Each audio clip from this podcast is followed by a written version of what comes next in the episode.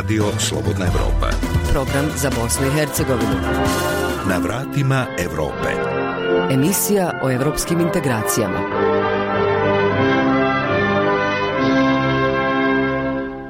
Srdačan pozdrav iz Sarajevskog studija. Moje ime je Mirna Sadiković. U današnjoj emisiji poslušajte, a raspodjele sredstava od PDV-a lokalnim zajednicama u Federaciji Bosne i Hercegovine najmanja je na evropskom kontinentu. Imate primjer nordijskih zemalja gdje to ide i do 50%. Kod nas to nije dobro, kod nas za cijelu federaciju 8,5% i to je najmanje na evropskom kontinentu. Počela rekonstrukcija i modernizacija Luke Brčko. Očekujem da ćemo sustići sve zadate rokove i da ćemo dakle moći koristiti luku u perspektivi koja je pred nama, da ćemo dakle omogućiti da se razvija privreda distrikta Brčko i cijele Bosne i Hercegovine. Još traje borba građana Mostara da se deponija Uborak izmjesti. Da su nedvojbene statističke posljedice ogromno povećanje mortaliteta, ogromna količina oboljelih od najtežih kancerogenih oboljenja koja ima gotovo svaka kuća na tom prostoru. U Cazinu promoviran projekat nenasilja i tolerancije. Cilj ovog projekta je sklopu koga se umrežavamo i radimo na boljim prilikama za mlade u našim lokalnim zajednicama. To jeste da se mladi aktiviraju i da postanu društveno aktivni članovi svoje zajednice. Sada prelazimo na najavljene sadržaje. Na vratima Evrope. Raspodjela sredstava od PDV-a u Federaciji Bosne i Hercegovine najmanja je na europskom kontinentu, kažu predstavnici lokalnih zajednica od kojih su se neki zbog toga obratili i Ustavnom sudu Federacije Bosne i Hercegovine. Najveći dio potreba građani ostvaruju u lokalnim zajednicama koje zbog glomaznog administrativnog aparata dobijaju manje novca od poreza, odnosno iz zajedničke kase. Priču ima Arnes Grbešić. Pozivajući se na Europsku povelju o lokalnoj samoupravi, zakonodavno pravna komisija predstavničkog doma parlamenta Federacije Bosne i Hercegovine te odbor za ekonomsku i financijsku politiku kao i komisija za lokalnu samoupravu tog doma podržali su zahtjev opštine Tešanj za zaštitu prava lokalne zajednice upućenog Ustavnom sudu Federacije, smatrajući da je povrijeđeno pravo na lokalnu samoupravu opštine Tešanj, saopšteno je iz ove lokalne zajednice. U saopštenju se podsjeća da je u martu ove godine opština Tešanj uputila Ustavnom sudu Federacije Bosne i Hercegovine zahtjev za zaštitu prava lokalne zajednice zbog raspodjele javnih prihoda u ovom entitetu, po kojoj su građani koji žive u opštinama koje broje više od 60.000 stanovnika privilegovani za određeni iznos javnih sredstava, čime je povrijeđeno pravo jednakopravnosti stanovnika opština u kojima živi manje od 60.000 ljudi. Podnosilac apelacije, načelnik Tešnja Suat Huskić kaže da ovaj problem pogađa gotovo milion i pol građana u Federaciji Bosne i Hercegovine. Trenutni način raspodjele e, prihoda od PDV-a nije adekvatan niti za razvoj općine Tešnja, niti za razvoj drugih lokalnih zajednica, jer se udio e, ili važnost e, vlastitog rada ili rada u lokalnoj zajednici relativno malo vrednuje. I mi ćemo nastaviti razgovore na tu temu, dakle očekujemo brzo izjašnjenje Ustavnog suda i nadam se da će neke promjene uslijediti već tokom ove godine. Uskić navodi da sa oko 43.000 stanovnika i ukupnim prometom fiskalnih uređaja u prošloj godini od milijardu i 450 miliona maraka, Tešen zauzima šesto mjesto u Federaciji Bosne i Hercegovine. Mi smo pokazali da smo u pogledu prometa fiskalnim uređajima šesta općina u Federaciji po prvi put. E, do sada smo bili ispod sedmog mjesta, dakle i dalje, i dalje rastemo, a u povratu dakle, od nekih 72 općine nalazimo se na 60. mjestu u povratu sredstava od PDV-a, iako dakle, za ukupno razumijevanje cijele materije treba poznavati brojne kriterije, dakle i sagledavati ih više strane. Na raspodjelu javnih prihoda u Federaciji ovih dana se osvrnuo i gradonačelnik Tuzle Jasmin Imamović koji kaže da se na europskom kontinentu gradovima i opštinama u Federaciji u budžete vraća najmanje sredstava od PDV-a. Lokalne zajednice u Federaciji iz PDV-a prime 8%, dok se u razvijenim europskim državama taj procenat kreće između 30 i 35%, kaže Imamović. Bogate zemlje poput Njemačke vjeruju u to da bogata, jaka, svaka općina i svaki grad jaka je Njemačka. Jel? Kod nas to baš i nije tako i to je najbolje vidljivo kroz recimo raspodjelu PDV-a. Dakle, što je zemlja razvijenija, kod njih se više izdvaja za PDV u gradove i općine. Evo imate primjer nordijskih zemalja, e, imate primjer nordijskih zemalja gdje to ide i do 50%. Kod nas to nije dobro, kod nas za cijelu federaciju 8,5% i to je najmanje na europskom kontinentu a kad bi se to dijelilo na gradove, onda bi se došli do bosanske krupe, ona isto 8,5%, ona dobije ukupno, kada se pretvori u novac, 1,188%. Bosanski Petrovac dobije 0,404%, ključ 0,695%. Tuzlanski gradonačelnik Jasmin Imamović dalje obrazlaže zašto je to tako. Zato što imamo takav ustav federacije, zato što imamo kantone, jer se kod nas ime decentralizacije dogodila centralizacija na nivou entiteta i kantona. To se dogodilo i u svakom gradu pa i u glavnom gradu. Istinska decentralizacija je jačanje gradova i općina, a ne njihovo slabljenje na račun kantona. Jedini bi zaokret bio u izmjeni zakonodavstva, ali tu je prepreka Ustava federacije. Znači, na izmjenama Ustava federacije e, gdje bi se nadležnosti i novac prenijeli više na gradove i općine i više na federaciju, a zadržale one nadležnosti na kantonu koje se izdogovaraju, jer morate se dogovarati jer vam treba dvije trećine ruku da biste mijenjali ustav. A svi građani žive u gradovima i općinama i svaki građanin 85% svojih potreba zadovoljava u svom gradu i svojoj općini. O promjenama Ustava Federacije kao i Bosne i Hercegovine jasno je da trenutno nema političke volje i Federalni ustavni sud koji će odlučivati o apelaciji opštine Tešanj u pogledu raspodjele javnih prihoda gradovima i opštinama u ovom bosansko-hercegovačkom entitetu zbog političkih sukoba radi sa manjim brojem sudija od predviđenog. Za radio Slobodna Europa iz Tešnja, Arnes Grbešić. Slušajte nas, gledajte nas, čitajte nas na web stranicama slobodnaevropa.org. U Brčkom je ozvaničen početak radova na rekonstrukciji i modernizaciji Luke Brčko. Ukupna vrijednost projekta je 10 miliona eura i finansira se kreditom Europske banke za obnovu i razvoj u iznosu od 7 miliona eura i bespovratnim sredstvima Europske unije u iznosu od oko 3 miliona eura. Informiše Zoran Matkić. Projekat revitalizacije Luke Brčko obuhvatit će izgradnju i uređenje platoa Luke, nabavku nove lučke dizalice, rekonstrukciju prilazne ceste, kao i pruge do željezničke stanice Brčko Novo. Ovo je jedan od najznačajnijih projekata koji se implementira u Brčko distriktu. Brčanski gradonačelnik Esed Kadrić. Očekujem da ćemo sustići sve zadate rokove i da ćemo dakle moći koristiti luku u perspektivi koja je pred nama, da ćemo dakle omogućiti da se razvija privreda distrikta Brčko i cijele Bosne i Hercegovine tako što će jeftinije usluge transporta preko Brčanske luke se koristiti i na taj način omogućiti da luka pospješi svoje poslovanje i da, da ima svoju suštinsku funkciju jer ipak radi se o jednoj međunarodnoj luci ovdje u, u Bosni i Hercegovini. Zadovoljstvo početkom radova na revitalizaciji Brčanske luke izrazio je predsjednik Skupštine Brčkog distrikta Siniša Milić. Međutim, ono što je po meni jednako tako važno jeste da na primjeru ovoga projekta mi treba da pokažemo jedan najvredniji resurs, a to je povjerenje. Dakle, e, postoje prirodne pogodnosti distrikta Brčkog, geografski položaj, povezanost sa važnim saobraćajnicama, ali kreditni rating svake zemlje se određuje na osnovu povjerenja, dakle povjerenja u lokalne institucije vlasti, povjerenja u pravosudni sistem i vladavinu prava i mislim da je to upravo nešto na čemu mi treba da radimo da bi ovo bio početak, a ne kraj jedne uspješne priče. Bez podrške i novčane pomoći Europske unije ne bi bilo ni revitalizacije Brčanske luke, Šef izaslanstva Europske unije i specijalni predstavnik Europske unije u Bosni i Hercegovini Johan Sattler. Što se tiče revitalizacije luke, Europska unija je sa svoje strane osigurala 3 miliona eura bespovratnih sredstava grantova, a uz pomoć Europske banke za obnovu i razvoj EBRD-a osigurano je nekih 7 miliona eura kroz povoljne kredite. Sattler je dodao kako će Luka Brčko nakon realizacije realizacije planiranih projekata postati središte poslovnih inicijativa značajnih za gospodarstvo cijele Bosne i Hercegovine.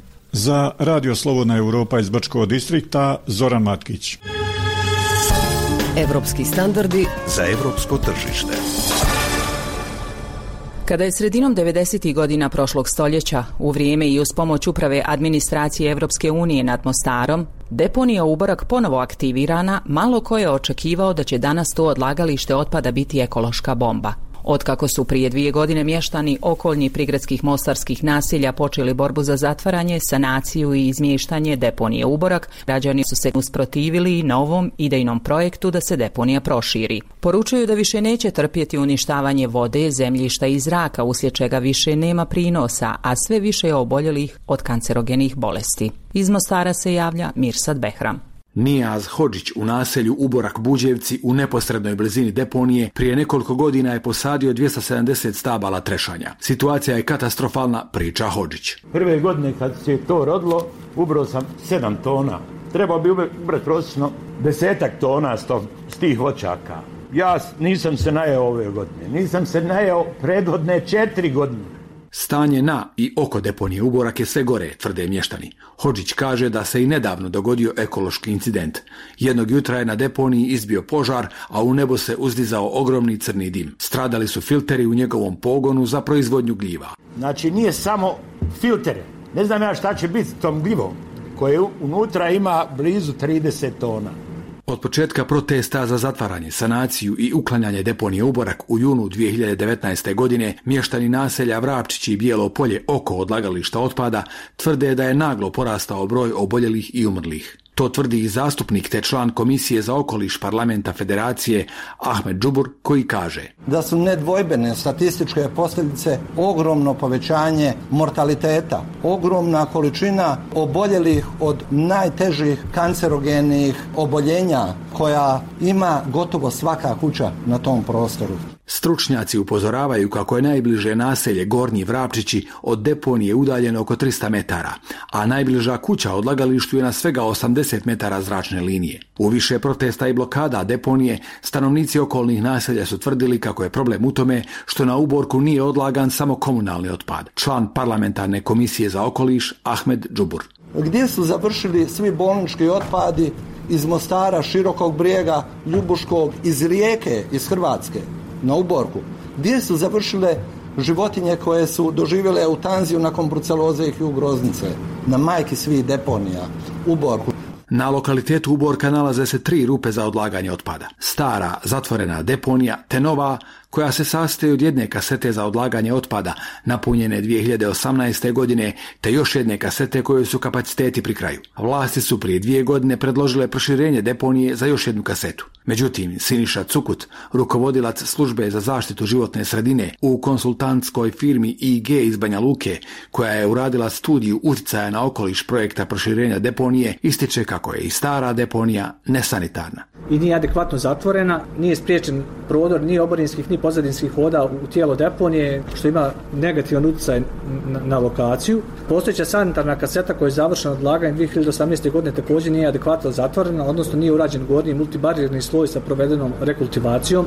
Naglasio je kako predloženi projekat proširenja deponije Uborak ima dva ozbiljna nedostatka. Prvi je da nije predviđena izgradnja postrojenja za pročišćavanje procjednih deponijskih voda. Što predstavlja rizik da se procjedne vode dijelom preliju iz lagune ili tijela deponije u obodne kanale i direktno ispuste u okoliš prilikom pojave nadprosječno obilnih padavina. Prelijevanje procjednih voda iz lagune i njihovo direktno ispuštanje u okoliš može dovede do onečišćenja površinskih podzemnih voda i okolnog zemljišta. Zemljište je već kontaminirano. Na mjernim stanicama oko deponije uočeno je prisustvo teških kancerogenih metala. Rukovodilac službe za zaštitu životne sredine u konsultantskoj firmi IG iz Banja Luke Siniša Cukut navodi i da projektom proširenja deponije Uborak također nije predviđena ni izgradnja postrojenja za tretman deponijskih plinova. Ali ispuštanje deponijskih plinova bez njihovog tretmana dolazi do emisije neprijatnih mirisa kao i ispuštanje značajne količine otpadnih gasova koji imaju efekt staklene bašte i koji su štetni za ozonski omotač u zemljoj atmosferi. Zaključak studije utjecaja na okoliš proširenja deponije Uborak je da se tim projektom ne mogu osigurati potrebni uslovi za zaštitu okoliša na lokalitetu deponije Uborak i u njenoj okolini. Ovakav zaključak studije samo je razlog više za konačno zatvaranje i izmještanje deponije Uborak, rekli su ovih dana na javnoj raspravi mještani okolnih naselja. Raspravi je prisustvovao i novoimenovani gradonačelnik Mostara Mario Kordić, rekavši da je deponija Uborak jedan od prioriteta. Najavio je da će se taj problem uz konsultacije sa strukom rješavati u što kraćem mogućem roku. Bilo je ovdje sporno da li je onih pet predloženih godina paravan za ostanak deponije gore, jer je neko spomenuo pet i više godina. Odgovorno vam tvrdim kad sam ja u pitanju i ljudi koji meni odgovaraju u gradskoj upravi da to neće biti tako.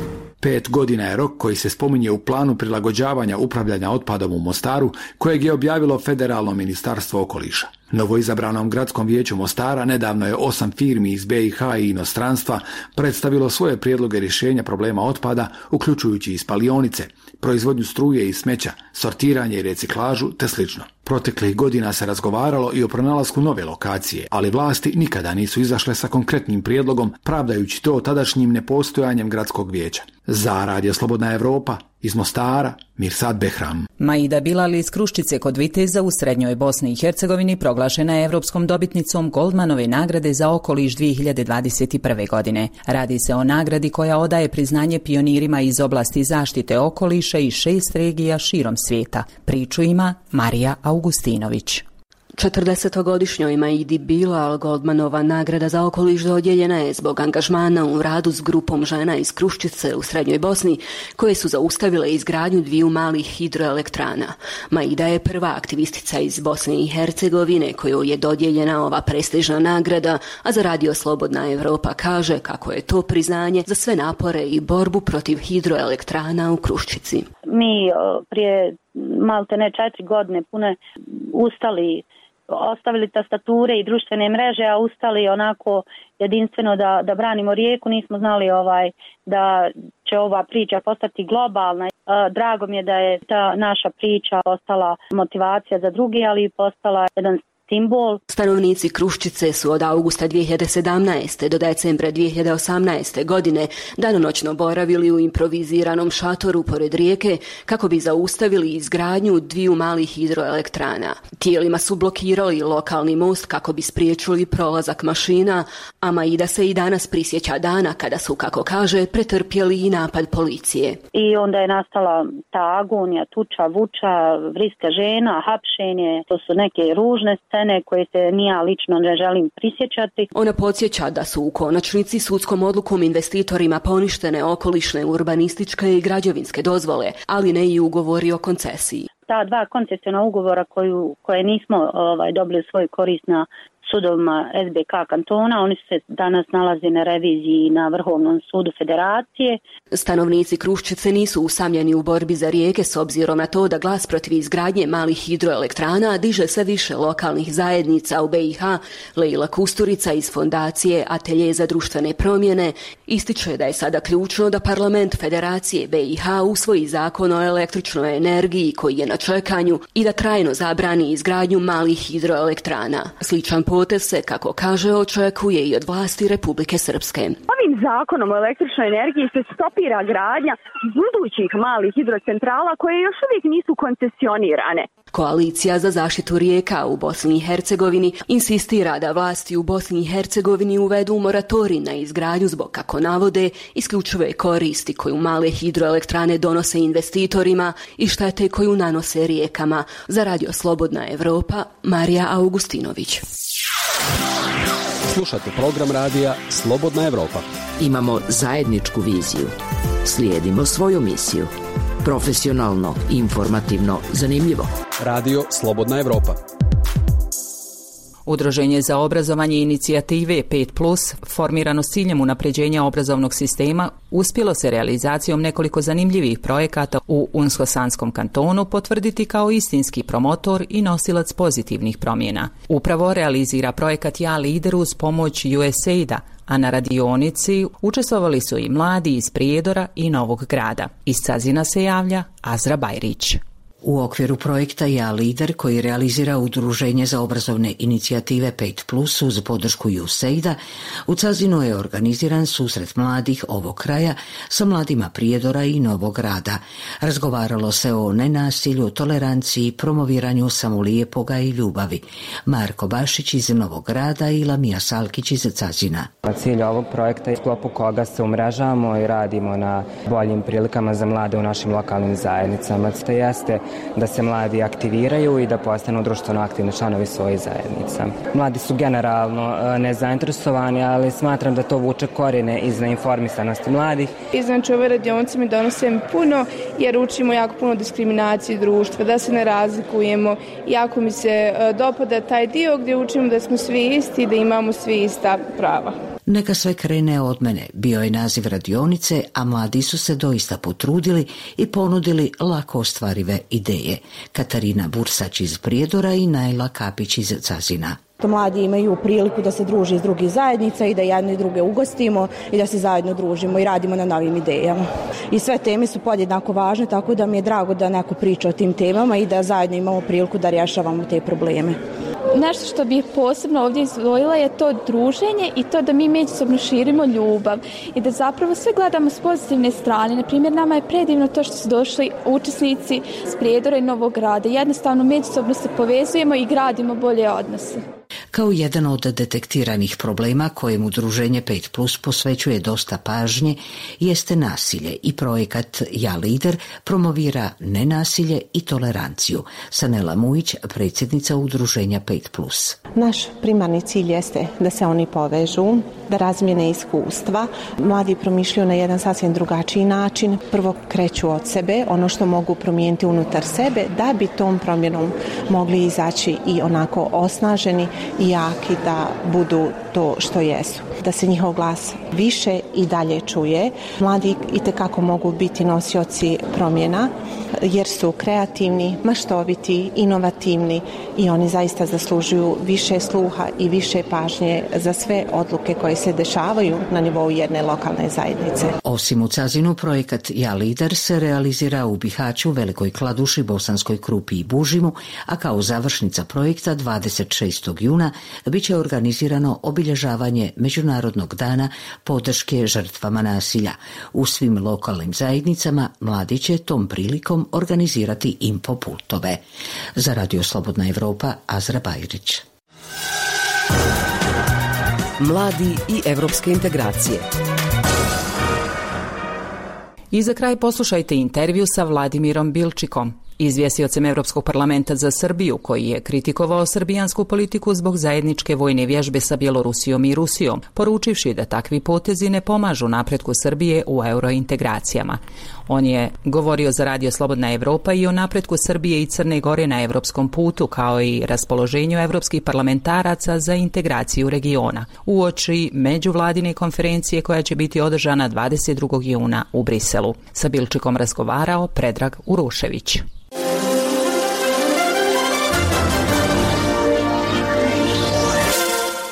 Zemlje Evropske unije nisu dale zeleno svjetlo za otvaranje novih poglavlja u pregovorima sa Srbijom. Šta je bio razlog za ovu odluku? Potrebno je da se svih 27 zemalja članica Europske unije usaglasi i ta saglasnost nije postignuta, iako je bilo napretka. Vjerujem da su napredak Srbije potvrdile i zemlje članice Europske unije nakon nedavnih napora vlade Srbije da radi na važnim reformama, naročito kada je riječ o vladavini zakona, kao i nakon važnih signala koje je poslala vlada Srbije EU institucijama prije samo nekoliko sedmica. Svi ovi signali pokazuju da postoji nova dinamika u odnosima, ali naravno otvaranje klastera u procesu pristupanja Europskoj uniji bi značilo da ste posvećeni otvaranju više povezanih poglavlja i mislim da bi zemlje članice Europske unije željele da vide veći napredak i više toga konkretnog prije nego što bi mogle u potpunosti da se usaglase sa otvaranjem pristupnih klastera.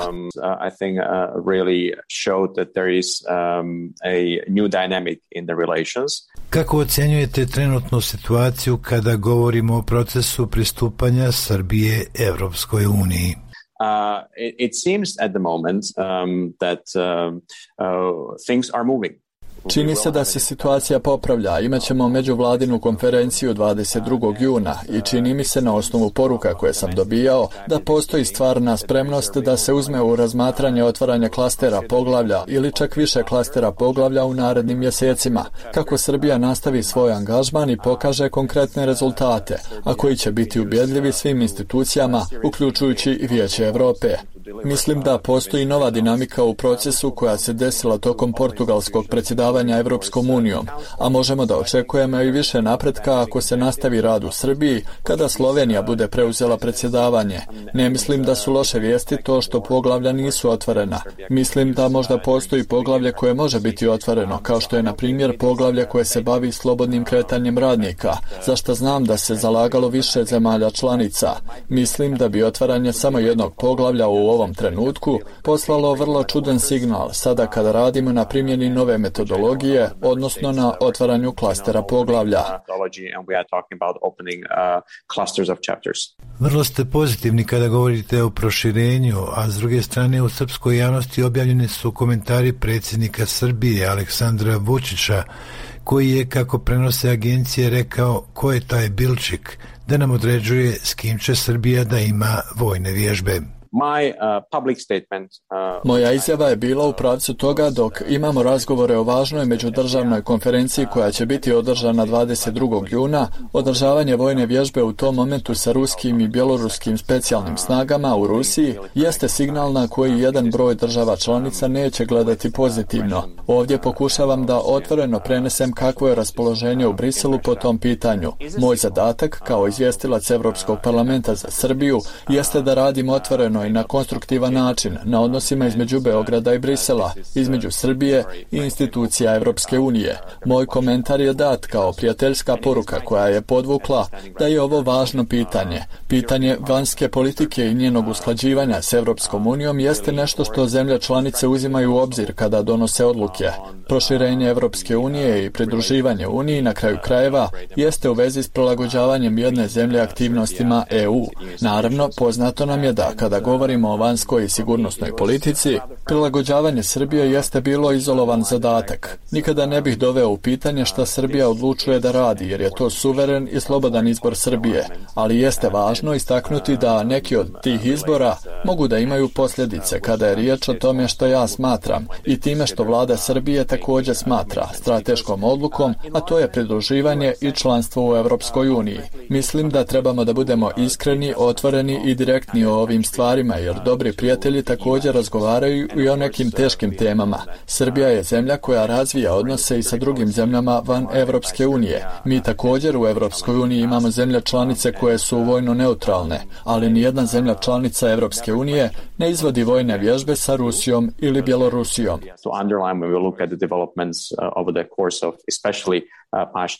Poznato vam je da ne samo da srpska spoljna politika podrazumijeva vojnu neutralnost, već i razvoj odnosa sa Evropskom unijom, SAD-om, ali i Kinom i Rusijom. I think it can work.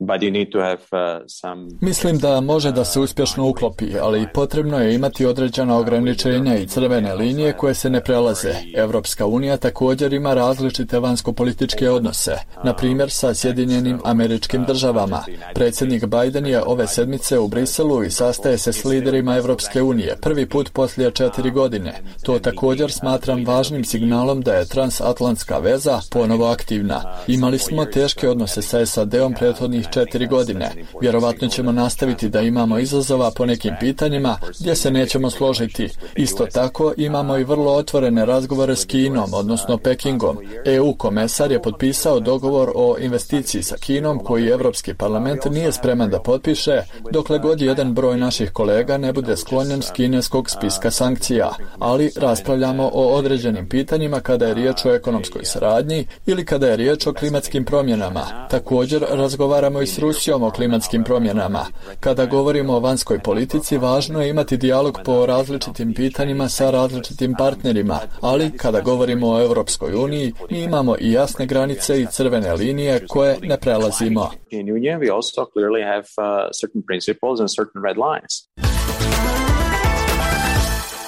Slušali ste intervju sa Vladimirom Bilčikom, izvjestiocem Europskog parlamenta za Srbiju. Reforme za. Bilo bi to sve u ovo sedmičnom izdanju emisije. Pratite zanimljive sadržaje Radija Slobodna Evropa i dalje putem Radio Talasa i naše web stranice slobodnaevropa.org na kojoj možete pronaći i podcaste za viri ispod površine, glasom mladih i između redova. Ove podcaste možete pronaći i na Facebooku i Twitteru kao i na Spotify, Google podcastima i iTunesu. Iz Sarajevskog studija pozdravljaju vas Enes Hrničić i Mirna Sadiković. Hvala za pažnju.